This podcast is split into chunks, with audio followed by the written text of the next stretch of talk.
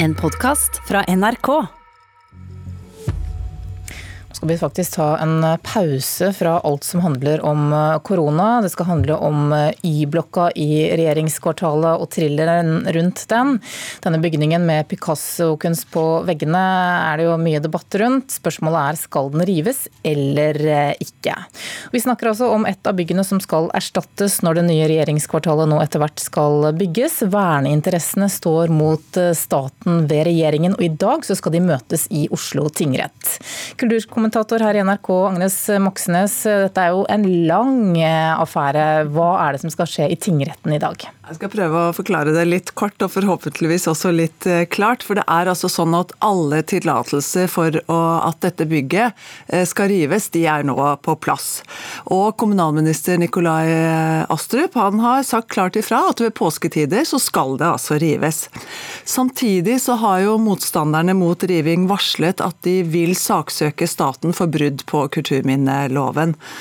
Og så er det sånn da at rettsvesenet jobber nokså langsomt, og en sånn sak den kommer trolig ikke ville ikke kommet opp før til sommeren.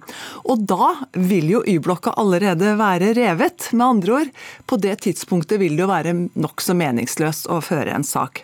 Så det som skjer i dag, det er en såkalt midlertidig forføyning, altså rettsapparatets hurtigkasse, så å si, for å få eh, Oslo tingrett til å stoppe rivingen inntil hele saken er prøvd i rettsapparatet. Så er det advokat Berit Reiss-Andersen som fører saken for aksjonistene, som altså er representert ved Norske arkitekters landsforbund og Fortidsminneforeningen.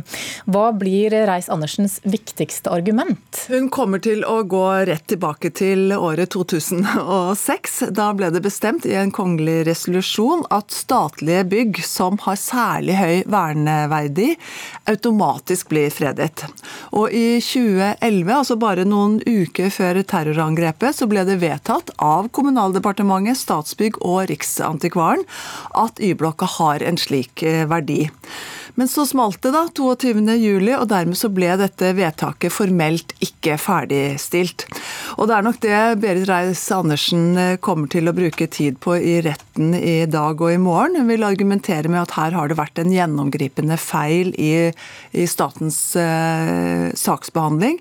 Fordi Y-blokka bør anses som fredet, og at staten dermed ikke kan vedta å rive den. Men Kan hun vinne frem med de argumentene? Eh, det krever iallfall en dommer med stål i både ben og armer å stå opp her mot både regjering og storting, som jo har vedtatt eh, riving av Y-blokka. Eh, men også vet jo dommeren også at her handler det om ekstremt store kostnader hvis Y-blokka ikke blir revet nå ganske snart.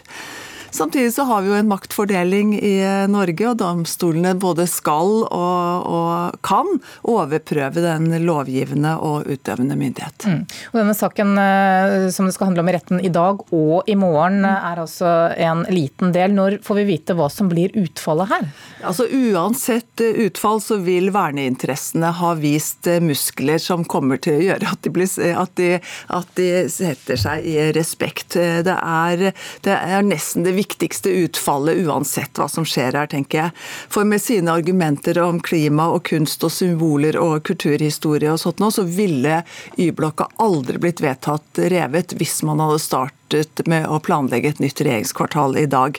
Men det forventes at dommen faller i neste uke. Og så er jo da det store spørsmålene om den tapende parten anker saken videre. Ok, Men planen per i dag er altså at eh, Y-blokka skal rives etter påske en gang. Ja, det er planen. Før eller etter. Ok, Takk skal du ha, kulturkommentator her i NRK, Agnes Moxnes.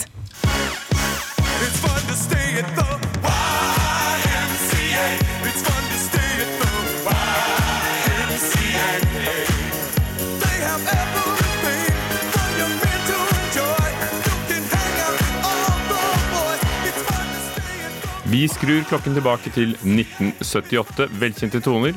Hvis du levde den gangen eller har bare vært på et dansegulv. YMCA, Village People, er eh, ikke bare en nostalgisk hitlåt, men også noe mer, kulturreporter Ja. Knut Øyvind Hagen. De deilige, dansbare diskotonene har nå blitt vedtatt som kulturarv. Det er BBC som melder dette. Det er sånn at Innspillingen nå har blitt innlemmet som en del av USAs nasjonalbibliotek, Library of Congress.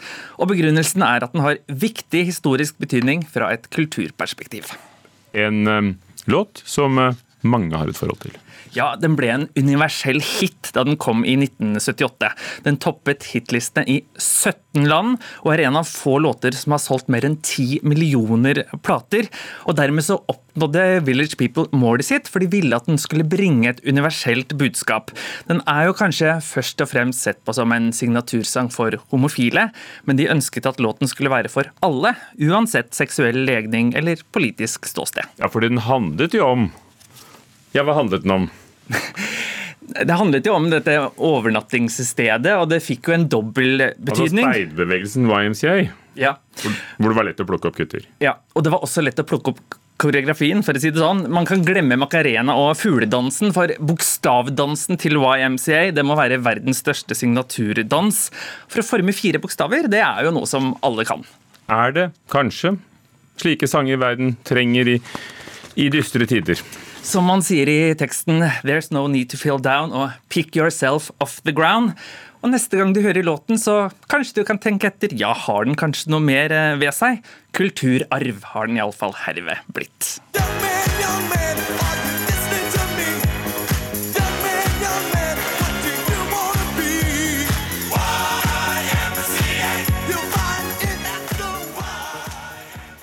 Og Library of Congress eh, tar også med noen flere sanger i, i årets liste over klassikere, nemlig Dr. Drees The Chronic, eh, rappalbumet, og Tina Turners Private Dancer, for å nevne noen. Og Whitney Houstons uh, nummer én-låt og versjon av Dolly Parton, I Will Always Love You. De kom inn da i biblioteket nå.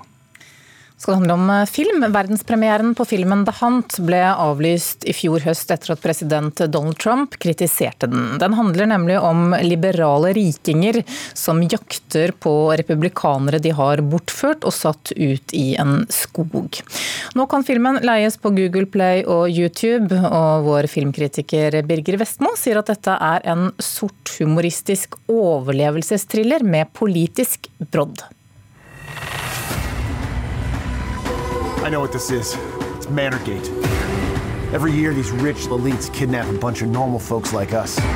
Where'd they get you from? Wyoming, Orlando. Mississippi. This is the real thing.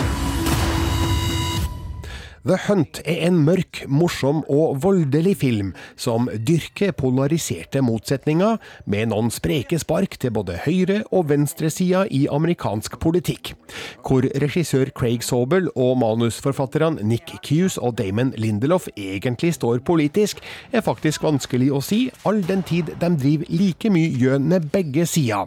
Det gir The Hunt innslag av politisk satire med en viss brodd, sjøl om det her først og fremst er en sorthumoristisk overlevelsestriller. Help you?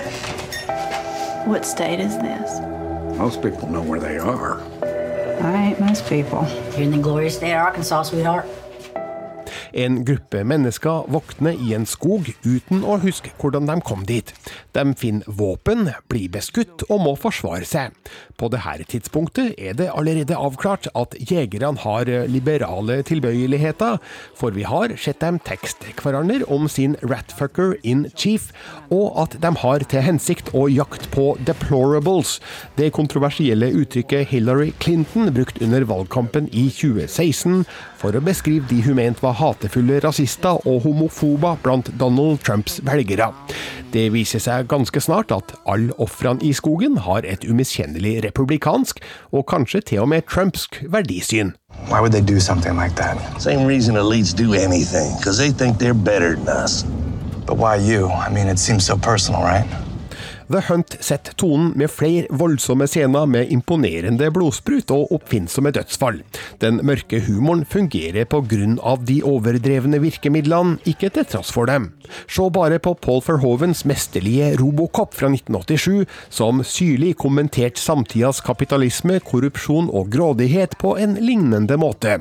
The Hunt er på langt nær så skarp, men spiller åpenlyst på motsetningene i amerikansk politikk, der vi ser jegerne omfavne klimaspørsmål, identitetspolitikk, likestilling og våpenkontroll, mens de jagede er konspirasjonstroende, våpenvennlige og fremmedfiendtlige.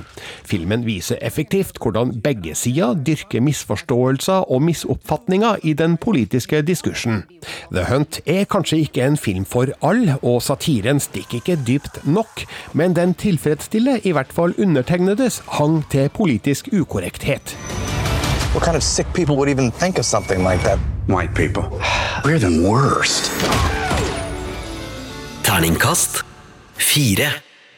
Det var vår kritiker Birger Vestmo som trillet den terningen, og The Hunt kan leies til kinopris. 189 kroner hos Google Play og YouTube.